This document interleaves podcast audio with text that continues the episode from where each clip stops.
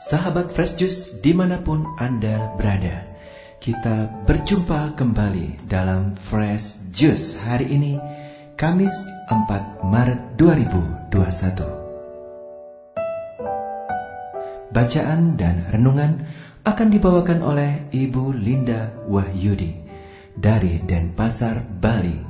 Selamat mendengarkan.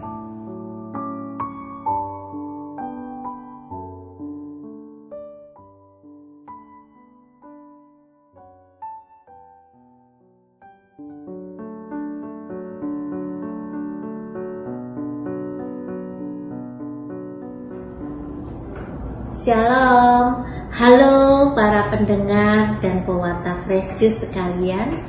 Jumpa lagi bersama saya Linda Wahyudi dari Denpasar.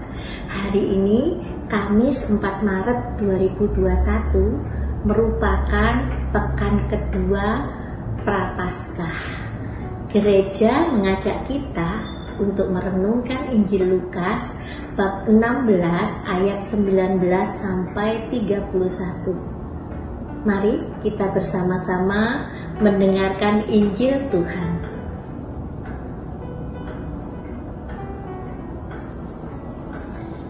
Inilah Injil Yesus Kristus menurut Lukas. Dimuliakanlah Tuhan. Sekali peristiwa, Yesus berkata kepada murid-muridnya, "Ada seorang kaya yang selalu berpakaian jubah ungu dan kain halus, dan setiap hari ia bersukaria dalam kemewahan. Dan ada seorang pengemis bernama Lazarus, badannya penuh dengan borok ia berbaring dekat pintu rumah orang kaya itu dan ingin menghilangkan laparnya dengan apa yang jatuh dari meja orang kaya itu. Malahan anjing-anjing datang dan menjilati boroknya. Kemudian matilah orang miskin itu, lalu dibawa oleh malaikat-malaikat ke pangkuan Abraham. Orang kaya itu juga mati lalu dikubur. Sementara menderita sengsara di alam maut, ia memandang ke atas dan dari jauh dilihatnya Abraham dengan Lazarus duduk di pangkuannya. Lalu ia berseru, Bapak Abraham, kasihanilah aku Suruhlah Lazarus mencelupkan ujung jarinya ke dalam air dan menyejukkan lidahku. Sebab aku sangat kesakitan dalam nyala api ini. Tetapi Abraham berkata, Anakku, ingatlah, engkau telah menerima segala yang baik semasa hidupmu, sedangkan Lazarus segala yang buruk.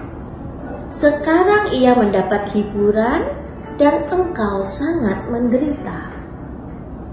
Selain daripada itu, di antara kami dan engkau terbentang jurang yang tidak terseberangi, sehingga mereka yang mau pergi dari sini kepadamu, ataupun mereka yang mau datang dari situ kepada kami, tidak dapat menyeberangi.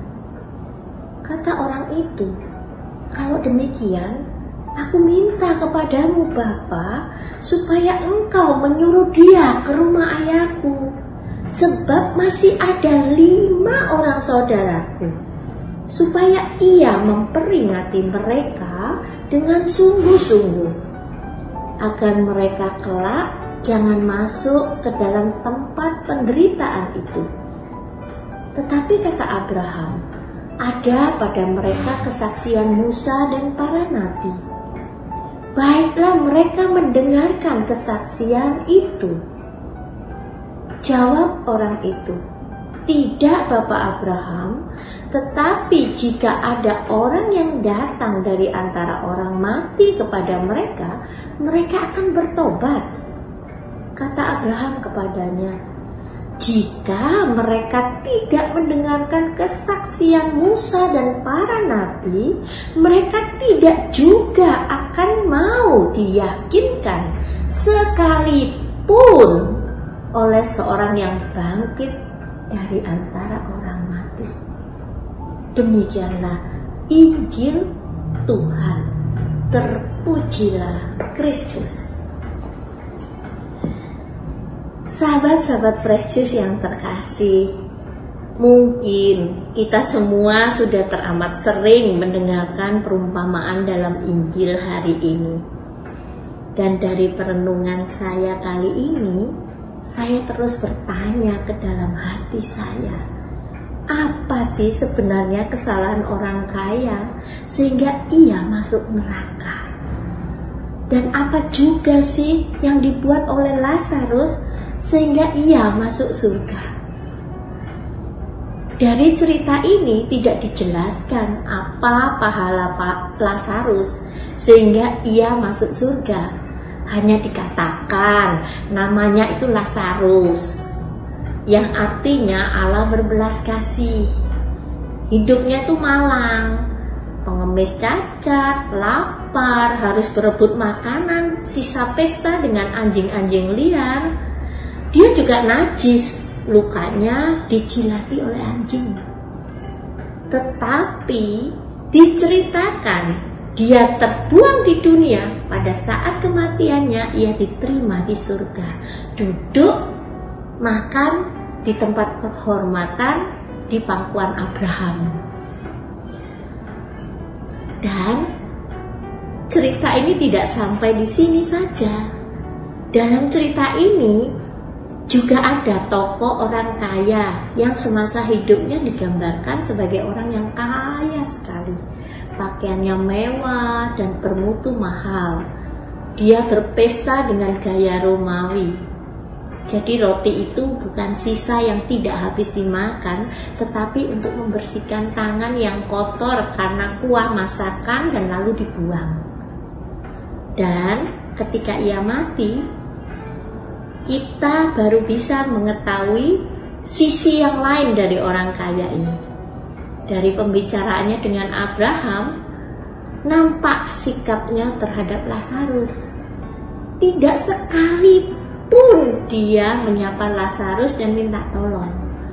Dia minta agar Abraham menyuruh Lazarus turun ke neraka untuk mengurangi kehausannya, turun ke dunia untuk mengingatkan saudara-saudaranya, Artinya Lazarus itu tidak sejajar dengan dia. Lazarus itu pantasnya untuk disuruh-suruh saja. Orang kaya itu menunjukkan pandangan orang Yahudi pada zaman Yesus. Kekayaan itu tanda berkat dari Tuhan. Kemiskinan, penderitaan, apalagi kenajisan itu tanda kutuk. Orang yang tidak berkenan kepada Allah. Meski Yesus menceritakan bahwa situasinya itu bisa terbalik, tetapi orang kaya dalam perumpamaan itu tetap merasa dia lebih tinggi daripada Lazarus. Sahabat-sahabat Fresh Juice yang terkasih, kekayaan bisa menjadi berkat dan nyatanya memang merupakan berkat Tuhan. Tetapi pertanyaannya adalah apakah kekayaan itu membantu kita menuju ke surga? Oh, ternyata tidak otomatis demikian. Kekayaan itu hendaknya membuahkan cinta, kepedulian, perhatian, penghargaan bagi sesama, bagi kesejahteraan bersama. Berkat yang kita terima hendaknya membuahkan hasil juga bagi hidup sesama di sekitar kita. Dalam masa prapaskah ini saya ingat nasihat dari atau kata-kata bijak dari Monsinyur Antonius Subianto Bunyamin OSC yang mengingatkan kepada kita. Ia mengatakan puasa tanpa doa itu namanya diet. Puasa tanpa karya amal itu namanya ngirit. Puasa tanpa sukacita itu namanya kere. Puasa tanpa pilihan itu namanya nasib sengsara.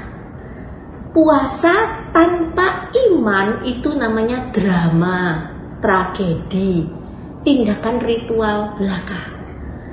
Maka hendaknya kita berbagi dalam kasih pada masa retret agung ini, pada masa prapaskah ini.